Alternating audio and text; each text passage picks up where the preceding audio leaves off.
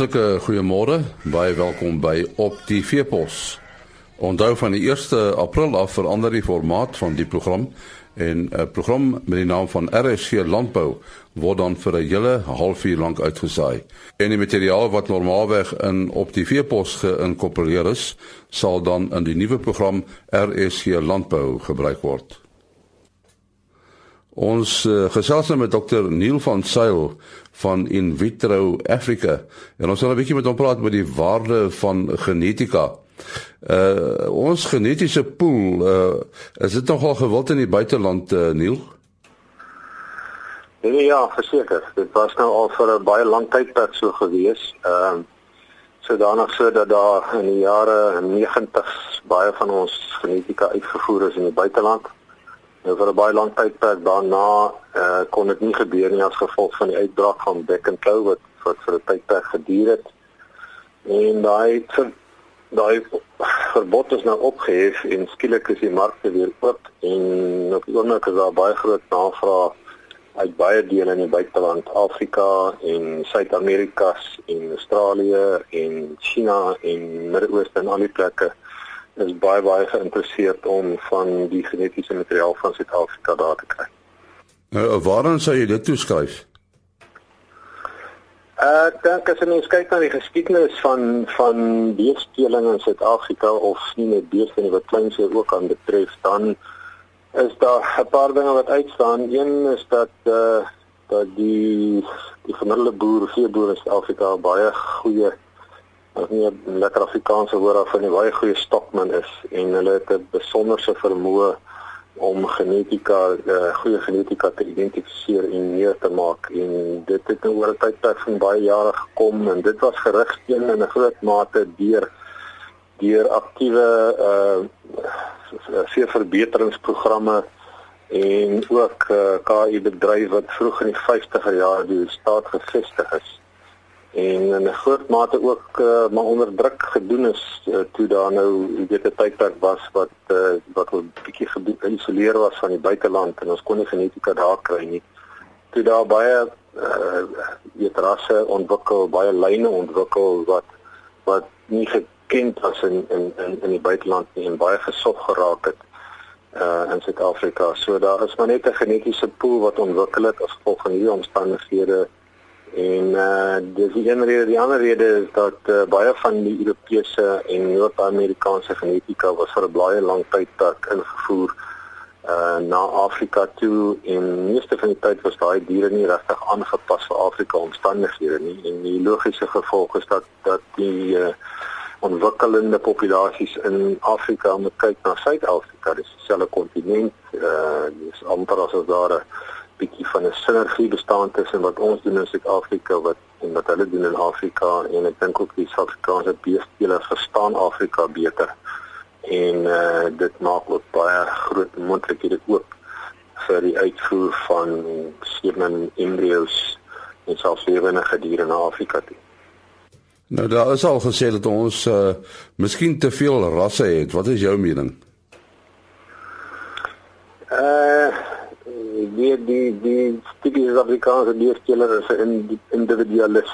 Ek dink ons sal ooit op 'n punt kom. Ek weet daar's 'n neiging om so sogenaamd te beweeg na die na die meer aanvaarbare rooi ras wat 'n uh, baie populêre konsep is en uh, waar daar baie van die veekundiges voorspel dat dit sal gebeur.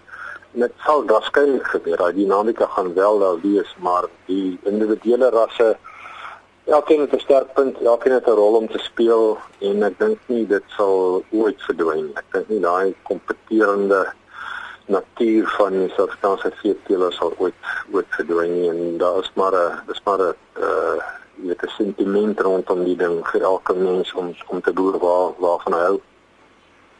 Nou hierdie hierdie uitvoer van van semen en genetika, uh kan dit net sommer so gebeur of is daar nog 'n paar uitdagings? Ja, daar is 'n groot klomp uitdagings rondom dit. Ehm um, een die belangrikste waarskynlik is die feit dat daar nie uh, bestaande protokolle is tussen al die lande, ons en die ander lande, die invoerlande. Ehm um, hoekom dit gebeur? Daar's 'n paar redes daarvoor. Een is dat jy weet jy baie van die goed het verval in die tydperk toe ons nie 'n beklou uitvoerstatus gehad het. En al daai protokolle moet nou van vooraf beding word en dit word gedoen direk tussen departement van dieregesondhede van ons en die ander lande. Nou daar's 'n bietjie van 'n bottleneck rondom rondom dit, rondom die IDR opbou vir hervestiging van hierdie protokolle uh, enerzijds omdat daar nie regtig die nodige kapasiteit bestaan by ons plaaslike dieregesondheidsdepartemente nie en aan die ander kant daar's maar altyd taalkwessies wat 'n rol speel en dit is dit, dit vat maar tyd. Daar's definitief aktiewe pogings ook van die Suid-Afrikaanse semen en embrio groep wat 'n subgroep is van die Suid-Afrikaanse veterinêre vereniging wat baie hard werk agter die skerms om hierdie protokolle gevestig te kry en ek dink ons kan ons kan uitsien na goeie nuus binne die afsienbare toekoms rondom dit. Dit is een ding, die ander ding is dat eh uh, die gesondheidsstatus van 'n Afrika land is altyd maar iets wat in die pad staan van uitvoere en bepaalde bedreigings wat wat ons in die, in die oë staar is die feit dat eh uh, dat dit enige tyd weer kan gebeur dat daar uitbraak kan kom van 'n siekte wat wat gaan keer dat ons kan uitvoere doen. En die feit dat daar van tyd tot tyd en dis iets wat ons nog ongesproke bly maar uh, onwettige beweging van diere oor die grens van van Afrika lande na Suid-Afrika toe gebeur wel. En die wildbedryf is baie dikwels betrokke daarbey dit bly vir ons 'n baie groot bedreiging is die is die handhawing van die huidige gesondheidsstatus van Suid-Afrika. Want die oomblik as ons dit verloor, verloor ons op totale uitvoermag. En die ander ding is maar ons gesondheidsbeheer binne in die land. Uh van tyd tot tyd gebeur dit wel dat daar van die instowwe nie beskikbaar is nie. Uh as gevolg van die breuke in, in produksiestelsels en dan ook die beheer van aangebare siektes wat wat maar in elke protokol voorkom word ook nie noodwendig altyd onrou nie. So ons maak baie staat op ons uh, staatsdiens, staatsveeartsdepartemente uh, en die staatsveearts in die veld om hierdie goed vir ons te doen en dit daar is daar's baie dikwels 'n bietjie gebrek aan kapasiteit. En en hoe sou jy sê is die gehalte van ons genepool?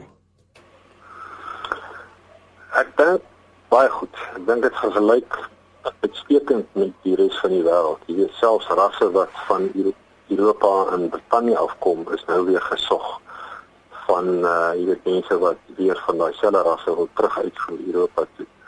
En in 'n ander plek Noord-Amerika, jy weet so dat die feit dat daar so groot aanvraag is wys wys vir dat uh dat uh, ons redelik in lyn is met in met die res van die wêreld en in baie van die gevalle selfs bietjie voor van daar span die rasse wat in isolasie ontwikkel is wat nêrens anders in die wêreld regtig bestaan nie. Dis maar net in Suid-Afrika wat hulle ontwikkel is.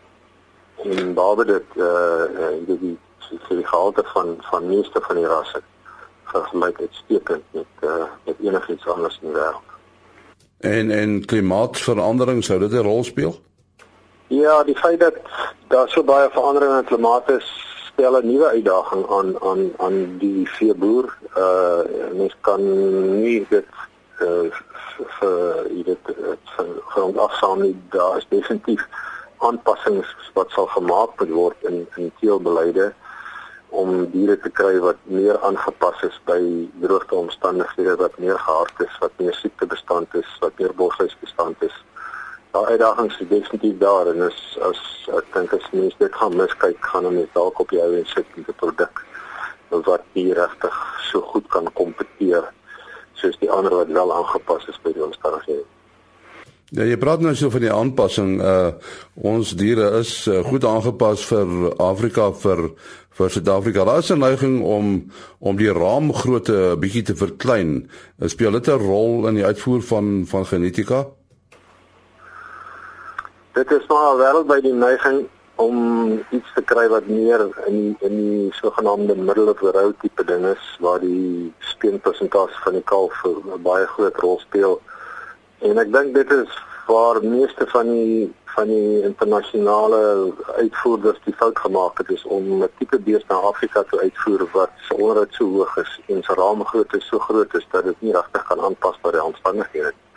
Ek dink daai aanpassings is reeds gemaak in Suid-Afrika om 'n bietjie minder groot dier te kan teel met 'n baie goeie produksie vermoë wat definitief 'n baie goeie rol kan speel in die verbetering van van genetika veral in ontwikkelende lande. So mense in Afrika rondry sien jy hierdie absoluut platsydige diere met bitter min kapasiteit en baie baie swak vleiseienskappe.